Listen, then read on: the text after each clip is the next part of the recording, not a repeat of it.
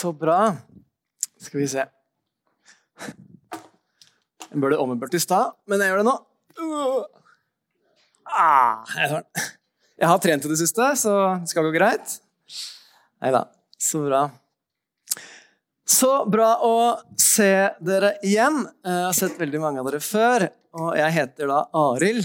Er 37 år. Er det lyd her i den? Dere hører meg sånn uten nå? Jeg er jo lærer, det er helt riktig, riktig Kjell. Og eh, jobber på en, en, ungdomsskole, videregående skole, for ungdom plassert i barnevern og folk som har liksom, sosial angst og forskjellig. Så det er det jeg gjør til daglig. Eh, men jeg er faktisk ikke så vant til å undervise 45 minutter og så 45 minutter. For vi gjør ikke så mye sånn i skolen lenger. Det er masse oppgaver og veileder og, og sånn. Men i dag skal vi undervise, og det gleder jeg meg til. Jeg har lyst til å be en bønn til, hvis det er greit, uh, greit for deg, Kjell. Han sa ok, så da gjør vi det. Takk, Jesus, at du er her. Takk for at du er her ved din ånd. Takk for at du er til stede i dette rommet. og vi åpenbare deg sjøl for oss, Jesus. Det er det vi trenger. Vi trenger å få åpenbaringer som du, bare du kan gi oss, Jesus, for at du kan sette eh, lys på ordet, eh, så vi kan få se og forstå hvordan det kan virke, og hvordan du kan virke i og gjennom oss. Takk, Jesus, for at du er her. Hjelp meg å formidle det du vil jeg skal si, Jesus. Og vi ber om at ditt navn skal få ære i Jesu navn. I Jesu navn. Amen. Ja? Å, jeg har dette ut. Jeg har dette ut. Sånn er det. Jeg har fått uh, det spennende oppdraget å snakke om Den hellige ånds plass i våre liv. Den hellige ånds plass i våre liv. Og som jeg sa på søndag, så skal jeg nå gi dere i løpet av 45 minutter ganger to. Så alt dere trenger å vite om det. Ha-ha-ha. Sånn, det var en vits, da. Da kan du smile litt. Du må, du må smile litt til meg, ellers så blir jeg så nervøs. ok? Det er, er, er det innafor? Så hjelp meg litt. Så, du nikker innimellom, så blir jeg litt sånn tryggere og tenker at vi er blant venner. Eh, vi er blant venner. Og det er vi, da. Liksom, takk. Vi er blant venner. Jeg er jo øh, øh, en stolt, øh, oppvokst i en stolt frivenngutt. Jeg er jo vokst opp i husmenighet i Holmestrand. Så når jeg var barn Dette er true story, helt sant. Når jeg var barn, så når var, jeg har sikkert fortalt litt om før, men når vi hadde møter hjemme hos oss i stua, så syns jeg det var ganske flaut. Jeg var litt liten, ble jeg jo litt større etter hvert. Men det som faktisk skjedde eh, Jeg husker veldig godt det en gang. Apropos Den hellige ånds plass i våre liv, så eh, var det en veldig, veldig salig stund hjemme i stua, og noen eh, spilte på sag. Har noen vært med på møte hvor man spiller på sag? Ja, ja, flere som har vært med på Det Og det var en spesiell opplevelse for meg. Men vi hadde en hund hjemme. Og mens den spilte på sag, og det var ordentlig trøkk altså, i stua hjemme da, så plutselig så begynner Tinka, hunden vår, å uh, ule med. Uh, og, Bibelen sier jo at liksom, steinene, hvis, hvis, vi er stille, så skal steinene rope. Så jeg vet ikke, da var hunden med, tinka med og ulte. Så det, var en, det, det satte seg en sånn opplevelse i livet mitt. Uh, jeg vet ikke hva, Om han kjente Guds nærvær, eller om det bare var den saga som var så fascinerende, det vet jeg ikke. Men det var noe der allikevel. Så er det sånn at Pappa har vært eldstebror her. Det gir meg litt ekstra tyngde. Pappaen min var eldstebror her på, på slutten av 70-tallet. Eh, før jeg ble født, riktignok. Men jeg syns jo det er litt stas. Derfor er det ekstra stas å, å være her. Du, la oss, eh, la oss, rett og slett uh, dukke litt inn i Bibelen. Jeg har gjort sånn at jeg har bare noen punkter oppe på her. Uh, og så håper jeg at du har med deg en bibel, så du kan lese litt sammen med meg. Hvis ikke, så skal jeg lese For jeg har ikke tatt det elektronisk. Jeg, tenkte at det er bra å ha en bibel på, på en bibel, eh, kveldsbibelskole. Så vi skal begynne med å lese fra Johannes 16, og så kommer jeg til eh, å bare ta oss litt tilbake og så fram igjen. Vi skal begynne med Johannes 16, fra vers 5 til og med 14. Johannes 16, 5 til og med 14.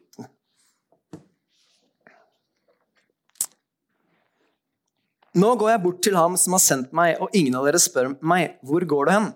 Men fordi jeg har sagt dere dette, har sorg fylt deres hjerte. Men jeg sier dere sannheten. Det er til gagn for dere at jeg går bort, eller det er til det beste for dere at jeg går bort. For dersom jeg ikke går bort, kommer ikke talsmannen til dere. Men når jeg går bort, da skal jeg sende ham til dere. Og når han kommer, skal han overbevise verden om synd og om rettferdighet og om dom. Om synd fordi de ikke tror på meg, om rettferdighet fordi jeg ikke går til Faderen, og dere ser meg ikke lenger, og om dom fordi denne verdens fyrste er dømt. Ennå har jeg mye å si dere, men dere kan ikke bære det nå. Men når han kommer, sannhetens ånd, skal han veilede dere til hele sannheten. For han skal ikke tale av seg selv, men det han hører, skal han tale, og de kommende ting skal han forkynne dere. Han skal herliggjøre meg, for at, for at for han skal ta mitt og forkynne det for dere. Alt det som Faderen har, er mitt. Derfor sa jeg at han tar av mitt og forkynner det for dere. Du, jeg syns en setning her er helt fantastisk fascinerende. Jesus sier det er til det beste for dere at jeg går bort. Eh, veldig mange ganger i livet mitt har jeg tenkt at Tenk så fantastisk det hadde vært hvis Jesus hadde gått ved sida mi. Tenk om jeg hadde hatt Jesus her, og jeg kunne snakke med han, og vi kunne liksom snakke og planlegge hva vi skulle gjøre i dag, og hvem vi skulle mette 5000 i den parken der, eller hva vi skulle gjøre. Det høres helt fantastisk ut å liksom kunne gå sammen med Jesus. Men så sier Jesus at folkens, det er bedre for dere at jeg går bort. For hvis jeg går bort, da kan jeg sende talsmann til dere. Så er det beste for deg og meg at Jesus gikk bort. Og Hvorfor det er det? Vi skal se litt mer på det seinere, men jeg har lyst til at vi skal spole litt tilbake i historien. fordi eh, dere, mange av dere kan Bibelen og opp og ned og i mente og kunne garantert stått her og undervist og, og gjort det veldig veldig bra. Men jeg, jeg hadde allikevel behov for å avmystifisere Den hellige ånd litt. fordi at eh, Stadig vekk så kan man liksom tenke at Den hellige ånd på engelsk heter det til og med The Holy Ghost. Spøkelse. Og Det kan være litt sånn der mystisk at Den hellige ånd er mystisk, men jeg tror Den hellige ånd er nær. Eh, så skal jeg bare kjempekjapt si at vi har Gud Fader, som du vet. Vi har Guds Sønn, vi har Gud Den hellige ånd. Um, treenigheten, tre i én. Uh, og det er Gud Den hellige ånd som vi skal snakke om i dag. Da. Den, den delen av treenigheten. Den hellige ånd er til stede i hele Det gamle testamentet. Fra første bok i Bibelen, allerede i, første Mosebok, så kan vi lese at og Guds ånd svevde over vannene. Guds ånd svevde over vannene. Så Den hellige ånd var til stede i Det gamle testamentet. Men i Det gamle testamentet, når vi ser historien og hva som skjedde med folkene der, så var det sånn at Den hellige ånd kun var tilgjengelig for noen få mennesker som kunne ha Guds ånd. Det var profetene, Profetene fikk Guds ånd for å kunne gi råd til konger. Ehm, og så var det innimellom så ser vi, ser vi eksempler på at eh, noen får Den hellige ånd for et begrensa antall, eller Guds ånd. Det er jo ulike ord som blir brukt, men Guds ånd, Den hellige ånd, eller Ånden. Eh, men f.eks. 4. Mosebok 1125 så, så står det følgende må ikke slå opp det, det er en veldig kort vers jeg skal lese. Men da står det følgende Da steg Herren ned i en sky og talte til ham. Han tok av den ånden som var over Moses, og ga til de 70 eldste. Og da ånden hvilte over dem, talte de profetisk, men de fortsatte ikke med det. Så de fikk Guds ånd en kort periode, og så ble ånden borte fra det igjen. Så de kunne ikke ha ånden over en lang periode. Så de fikk ånden på lån, kan man også si det. Det finnes mange sånne eksempler gjennom Gamletestamentet som du kan se på. Så Guds ånd Den hellige ånd er til stede hele tiden. Det er ikke noe ny oppfinnelse. Den har alltid vært der fra starten av som en deilig del av treenigheten. Uh, skal vi hoppe fram til der hvor uh, Salomo bygger Guds tempel.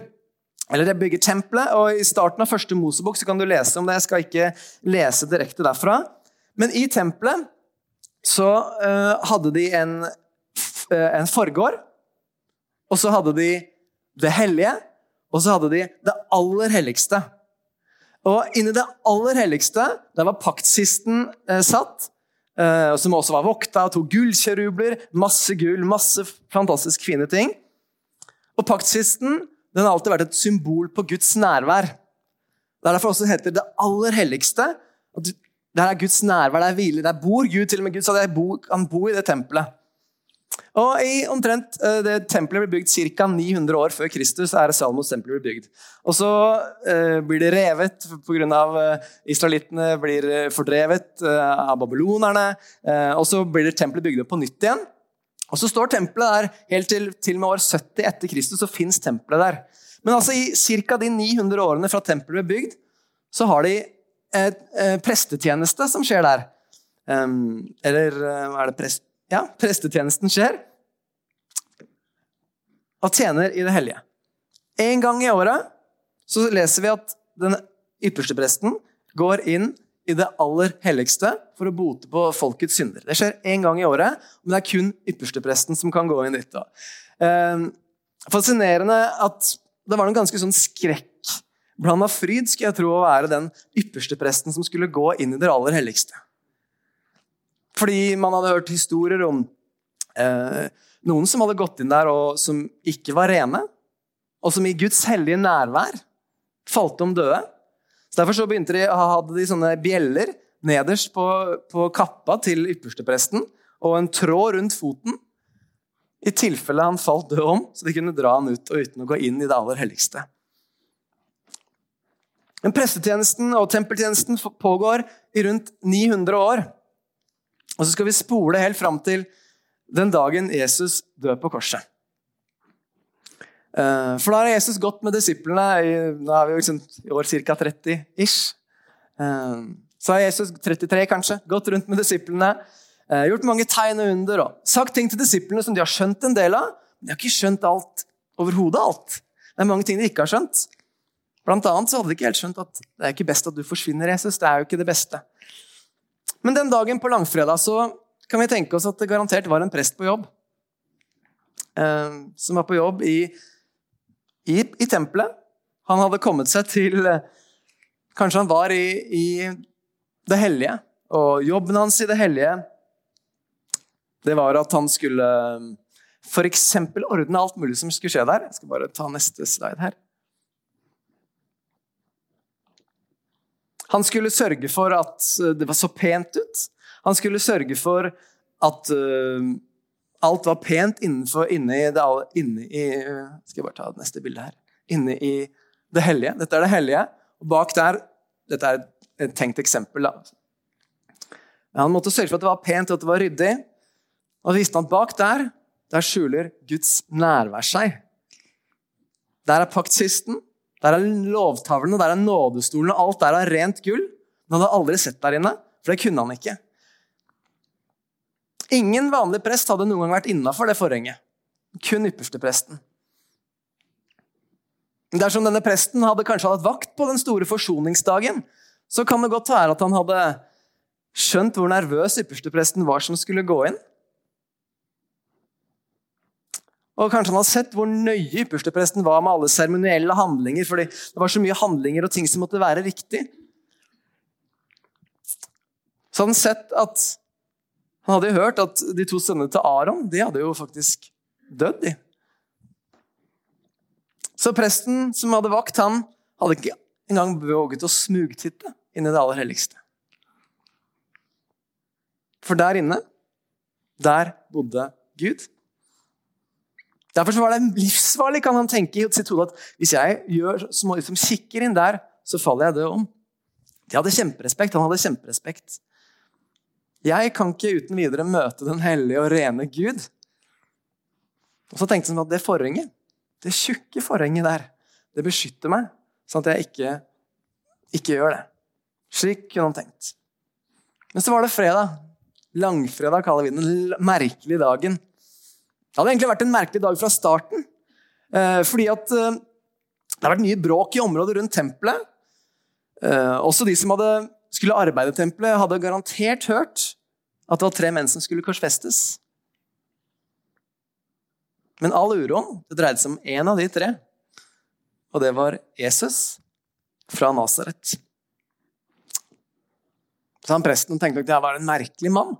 Han Jesus, fordi han hadde hørt ryktene. Og det var til og med påviselig at han hadde gjort masse under. Folk sa at han hadde gjort under. Det lot seg ikke bortforklare, de underne. Og man, Han kunne jo se han presten at han hadde sett at de folka de, de var glade i Jesus, og at folkemengder flokka seg om Jesus. Det var også derfor alle fariseerne og de skriftlærde hadde vært litt redd, og de var sinte på Jesus. Så presten ja, jeg, kunne, jeg kan kanskje forstå det, kan vi tenke at denne presten tenkte. Romerne var altså på vakt den dagen. Romerne var kjempebevakt overfor alt som smakte opprør og oppstand. Og de slo hardt ned på opprør den dagen. De religiøse lederne de var redde for at romerne skulle stramme grepet om dem og ta fra den friheten de hadde. Derfor så hadde folkets ledere slått til mot Jesus rett før påskehøytiden. Ja, presten, jeg kunne skjønne det. Men det var så merkelig stille i de gatene her nå. Det var så stille rundt. For folkemengden hadde fulgt med ut til retterstedet for å se på henrettelsen. Se på de tre menneskene på korset. Det var jo ikke uvanlig i Jerusalem at det var henrettelse på den måten. Men denne dagen så skjedde det noe. Det skjedde noe merkelig. Og presten som tjente den, ble garantert redd. For det var jo egentlig midt på lyse dagen, men dagslyset forsvant. Det ble helt mørkt. Og bare de svake lampene som han hadde tent, han hadde sørga for at det var tent, de var der kanskje. Men det skjedde noe unaturlig. Presten Kanskje han frøs på ryggen. Men så, så skjedde det noe mer. Plutselig så var det som hele grunnen under bevegde seg. Og presten var Er det jordskjelv, eller? Hva er, den, hva er den rare lyden bak meg? Hva er den rare lyden? Når han snur seg, så ser han mot forhenget. Så ser han det mektige forhenget. Det tjukke forhenget som ingen menneske kunne klart å rive.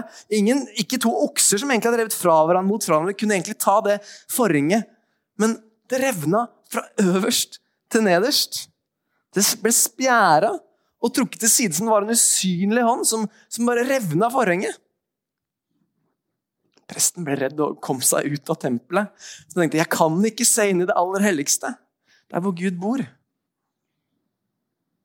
Så kommer han ut skal møte de andre prestene, og hva, hva skal jeg si? Hva, liksom, det var mye jeg var der, var det ikke mitt ansvar? Men han tenker jeg må jo bare si det. Forhenget revna. Jeg så rett inn på nådestolen. Dør jeg, eller? Kommer jeg til å dø? Kanskje han, var, han, han var kanskje redd. Vi må gå inn og se, tenkte de andre. Men noen fikk stansa dem. Stopp, stopp, stopp! Ikke gå inn! Det er livsfarlig. Dere må ikke se nådestolen. Men ypperstepresten, han kom. Ypperstepresten kom. Han var nok ikke så veldig høy i hatten, han heller. Og hva som skjedde her etterpå, veit vi jo ikke. Vi veit jo ikke hva som skjedde. Men sannsynligvis så tenkte ypperstepresten at dette må ingen få høre om. Ingen må få høre om dette. Ingen må få høre om det her. Det kan godt hende han tenkte seg om hvorfor skjer det i dag? Akkurat den dagen her hvor de endelig fikk tak i Jesus fra Nasaret. Men ingen må få høre det. Likevel så må det ha blitt hviska om det. Jeg har snakka om det så mye fordi både Matteus, Markus og Lukas de, de nevner det. Lukas undersøker det nærme. og Han har nok sikkert fått tak i det, for Lukas skriver ikke ting uten at han har sett øyenvitnet på det. Men sannsynligvis så gjorde han sånn at ypperstepresten fikk reparert forhenget for tempeltjenesten, men fortsatte i 70 år. Ofte fundert på hva skjedde med den første ypperstepresten som gikk inn i det aller helligste første året etter at forhenget var revna. Var det annerledes? Jeg vet ikke. Det kan godt hende. Det kan godt hende at det plutselig var forsvunnet noe fra det aller helligste. For det store spørsmålet er egentlig ikke hva ypperstepresten gjorde, men hvorfor Gud gjorde det han gjorde. For det var Guds finger som var i fære på langfredag. Det var Guds finger som spjæra forhenget. Og Det er ikke bare en sånn liten detalj. egentlig. Det er lett å tenke at ja, ja, det var jo gøy at det skjedde. Det var jo det tjukke forhenget. Men det er en kjempeviktig detalj. For det betyr, det som skjedde den dagen, når forhenget revna, så sier det deg og meg noe viktig. Det betyr at du og jeg vi har avgang rett inn i det aller helligste. Trenger ikke at vi har en ypperste press som går litt en gang i året for oss. Men vi kan gå hver eneste dag inn til det aller helligste, der hvor Guds ånd bor. Fordi forhenget er revna. Det er ingenting som lenger skiller deg og meg fra Gud, fra det aller helligste.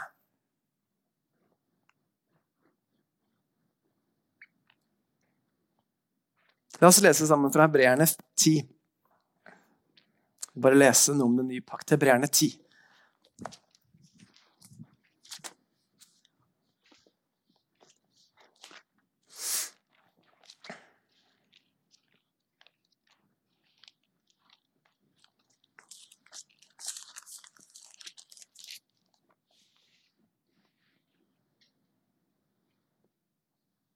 Og så leser vi første vers 4. Der står det følgende.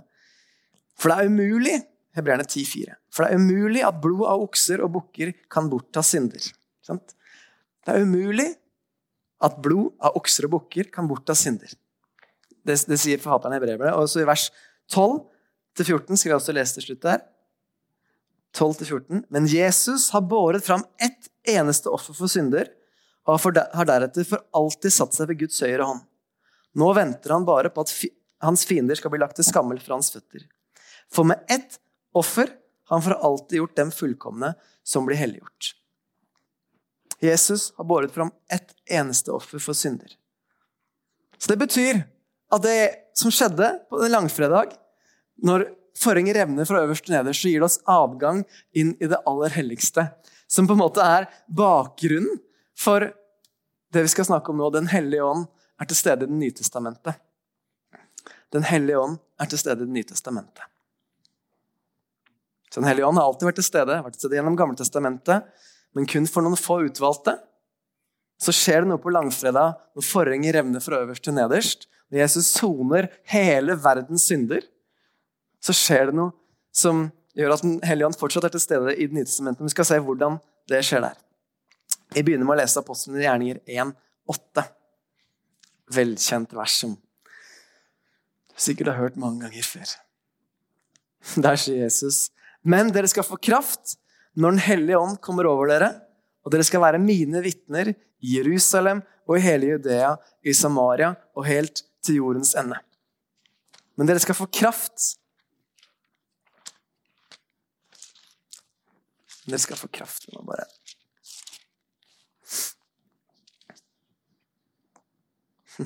så står det også i vers 9. Jeg syns alltid det er så fascinerende. Da han hadde sagt dette, ble han løftet opp mens de så på, og en sky tok han bort fra deres øyne.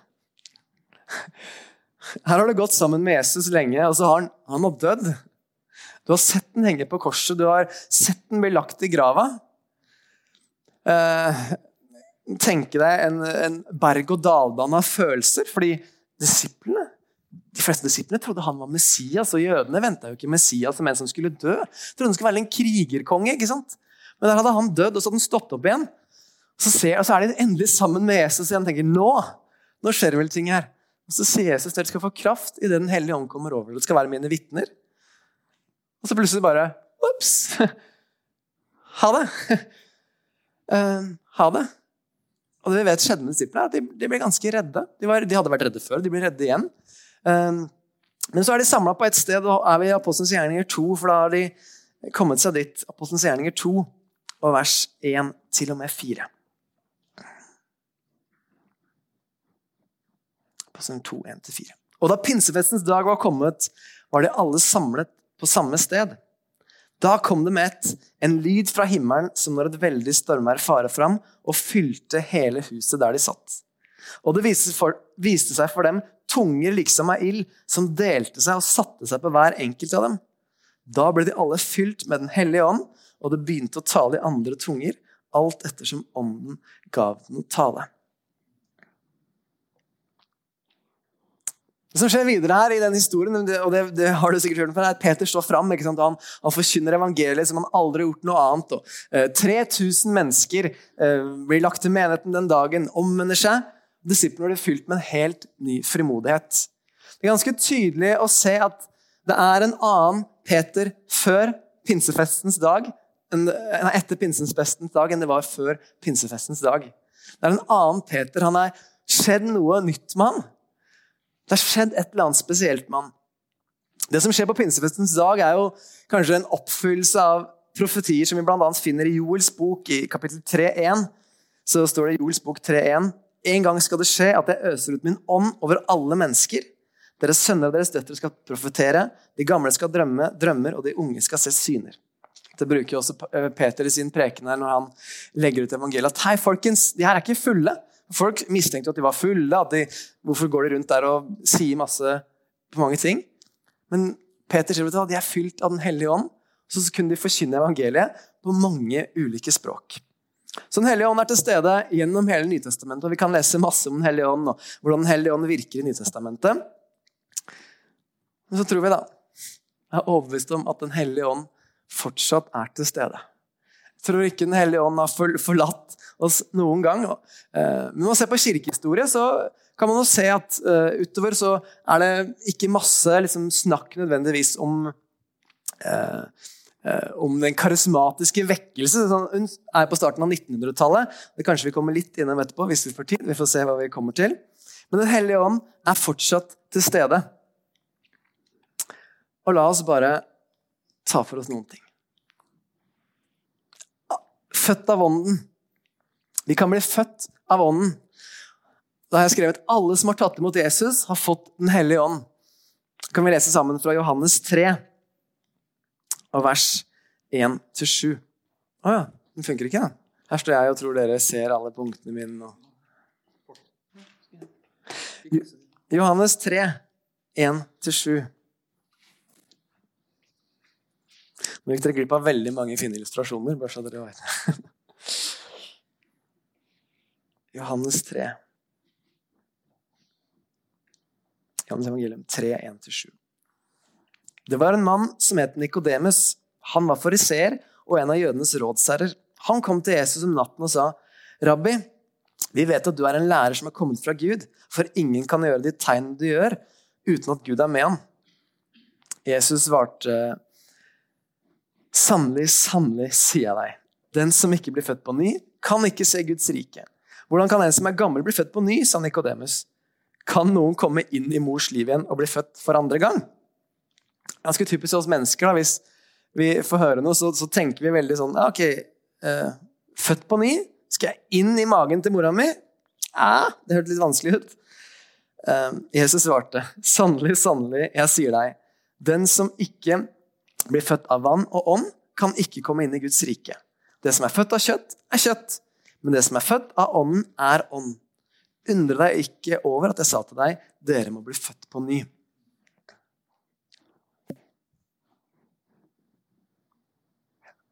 Alle som har tatt imot Jesus, tror jeg har fått Den hellige ånd på en eller annen måte. Eh, vi sier ofte det at, at Jesus flytter inn i hjertet vårt.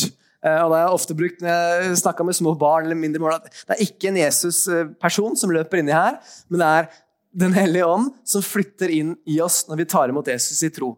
Så alle så jeg, når jeg forstår Bibelen, når jeg forstår Skriften, så har alle de som har tatt imot Jesus Kristus, har fått Den hellige ånd. Vi er født av ånd. For du kan ikke, som vi akkurat leste her, Jesus sa til Nikodemus, det som er født av ånden, er ånd. Undre deg ikke over at jeg sa til deg, du må bli født på ny. Så Derfor snakker vi ofte i begrepet vi kristne at å bli født på ny er det samme som å bli frelst eller bli redda. Men det er å få Jesus i hjertet, sier vi også. Men det er å få Den hellige ånd inni oss, får åndens gave, blir født på ny. Så, så når jeg forstår Bibelen også, så snakker det om døpt i Den hellige ånd, eller fylt av Den hellige ånd. Um, og det er jo faktisk sånn at Akkurat dette emnet her er jo Eh, når vi er her vi er i dag, så er dette det om å være døpt av ånden og fylt av den, av den hellige ånd, er jo et emne hvor Barrat og Nordkveldet, som er jo eh, pinsebevegelsens far og de frie forsamlingers far, var litt uenige. Eh, for Barrat var ganske tydelig på at eneste tegnet på at du har mottatt Den hellige ånd, eller døpt Den hellige ånd, er at du har fått tungetallet som tegn, mens Nordkveldet ikke var det. Og det var en stor uenighet mellom dem. Og jeg tror ikke vi skal dykke så dypt inn i det i dag, men jeg skal komme innom det. Eh, men vi leser i Matteus 3,11 sammen. Så står det et vers om å bli døpt i Den hellige ånd. Matteus 3,11. Så eh, sier Johannes, Johannes døperen, jeg døper dere med vann til omvendelse, men han som kommer etter meg, er sterkere enn jeg, og jeg er ikke engang verdig til å ta av ham sandalene. Han skal døpe dere med Den hellige ånd og ild. Han skal døpe dere med Den hellige ånd og ild.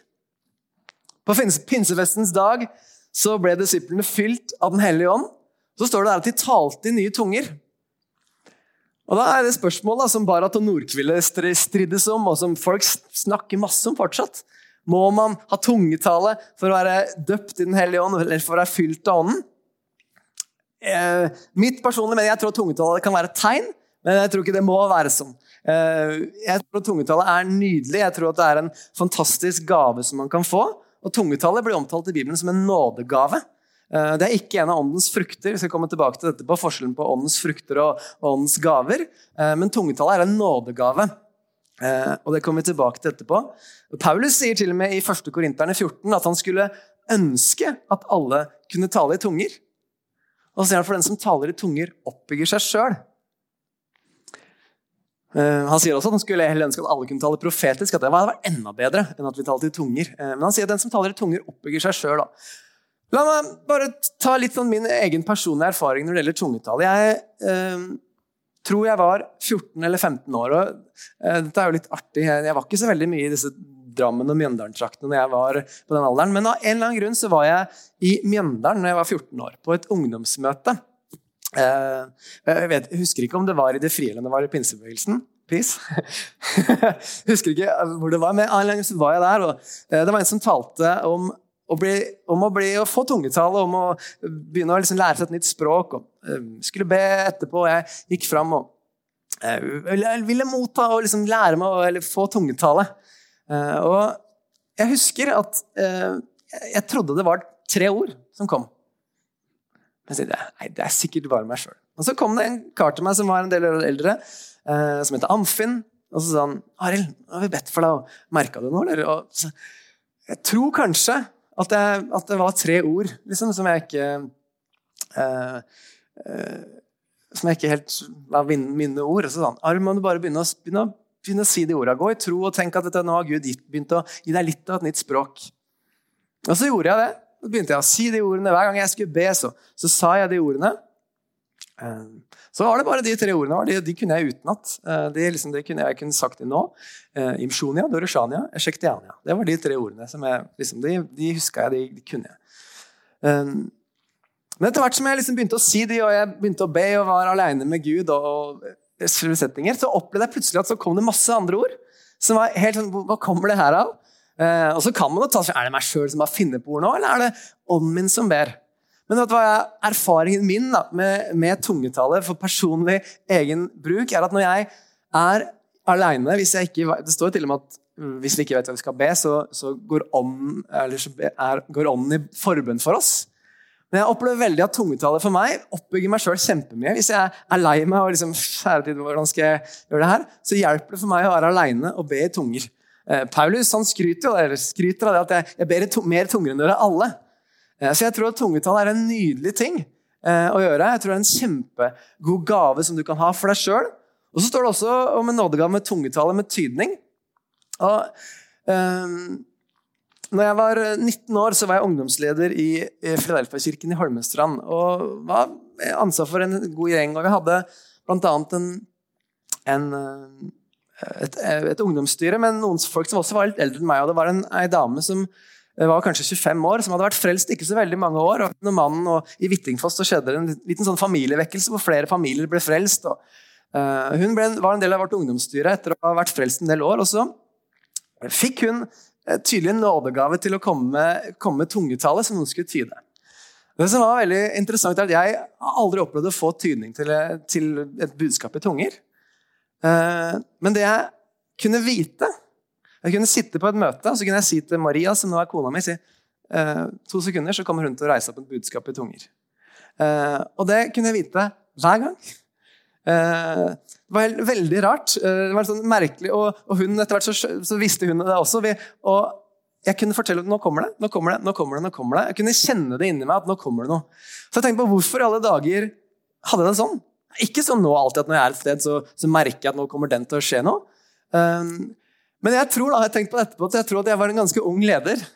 Eh, og at Gud hjalp meg å få den gaven også, også, for å kunne klare å ha den rollen som ungdomsleder også for de som var eldre enn meg. i den perioden. Så var det en sånn viktig gave som Gud måtte gi meg for å gi meg autoritet. Eh, det var helt en merkelig sånn kunne peke Nå kommer det. Nå kommer det. nå kommer det. Opplevde aldri fått tydning. Eh, men jeg kunne vite at det kom. Og for henne eh, som også ikke hadde vært kjempelenge kristen, så var det nok det en sånn nære betryggelse for ja, det er, det er ikke bare meg, nei. Fordi jeg kunne vite det. Nå kommer det. Så Den hellige ånd eh, kan fylle oss. Og Paulus oppfordrer til en kontinuerlig fylde av ånden, altså døpt i Den hellige ånd. Og så oppfordrer Paulus en kontinuerlig fylde av ånden. Efeserne 5, 17. Efeserne 5, 17, så står det følgende Jeg er fortsatt med der. Sier Paulus. Vær ikke uforstandige, men forstå hva som er Herrens vilje. Drikk dere ikke fulle på vin, det fører til utskeielser. Bli heller fylt av Ånden, og syng sammen. La salmer, hymner og åndelige sanger lyde. Spill og syng av hjertet for Herren. Takk alltid vår Gud og Far for alt i vår Herre Jesu Kristi navn. Bli heller fylt av Ånden. Bli heller fylt av Ånden. Så jeg tror at vi kontinuerlig, at det å motta Den hellige ånd, eller uh, ha en, et åndsdåp Jeg tror det skal være igjen og igjen og igjen. Og jeg Eh, sånne folk som er karismatikere, vi er jo mange som har sagt det at hvis pinsefestens dag hadde kommet til en skikkelig karismatisk menighet, så hadde alle kommet tilbake neste dag for å oppleve det samme på nytt. Sånn, for det var så flott opplevelse. Uh, men jeg tror jo at Den hellige ånd, når han gir oss gaver, når han kommer med ting, så, så gjør han ikke bare for at vi skal få litt sånn deilig følelse på ryggen og, og, gråte litt eller ha en nydelig opplevelse. Men vi leste jo da at dere skal få kraft idet Den hellige ånd kommer over dere, og dere skal være mine vitner. Men jeg tror vi altså da trenger å være født av Ånden, og så trenger vi å ha, være fylt av Den hellige ånd og kontinuerlig bli fylt av Den hellige ånd. Og så sier Bibelen at vi også skal være leda av Den hellige ånd. Leda av Den hellige ånd. Romerne 8, 14 skal vi lese om å bli ledet av Den hellige ånd.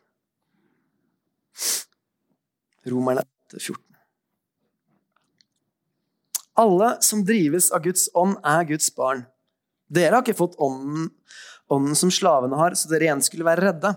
Nei, dere har fått ånden som gir rett til å være Guds barn, den som gjør at vi roper 'Abba, far'. Ånden selv vitner sammen med vår ånd om at vi er Guds barn. Men er vi barn, er vi også arvinger. Vi er Guds arvinger og Kristi medarvinger.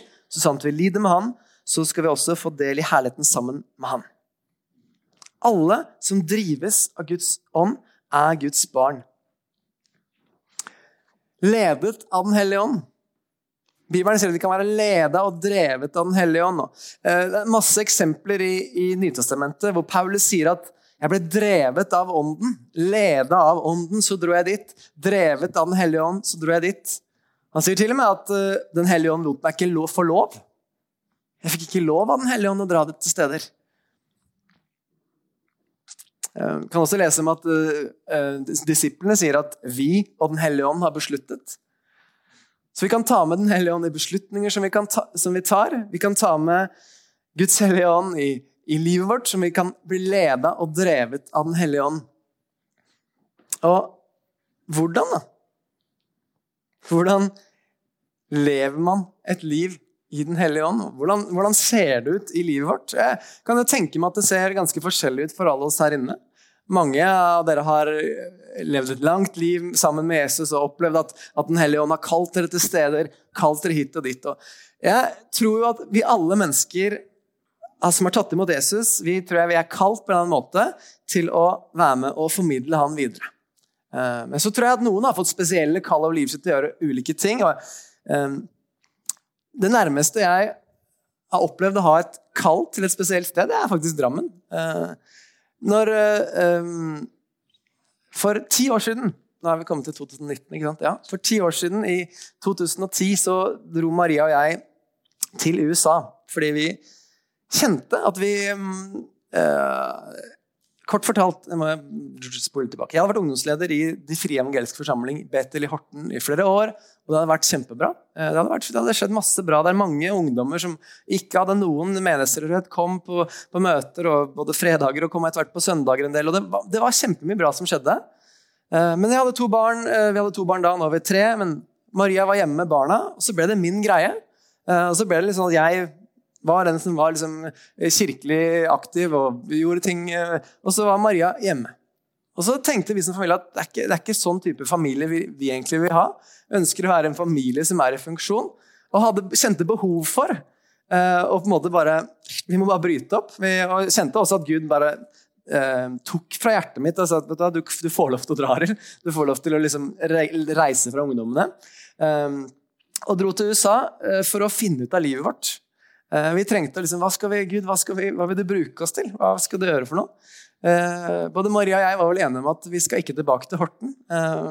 Ellers så var jeg I mitt hode så trodde jeg at vi skulle bli misjonærer et eller annet sted i verden. Det var det jeg tenkte. Det var, liksom, Jesus er klar for det, bare ikke, ikke Nord-Norge, si.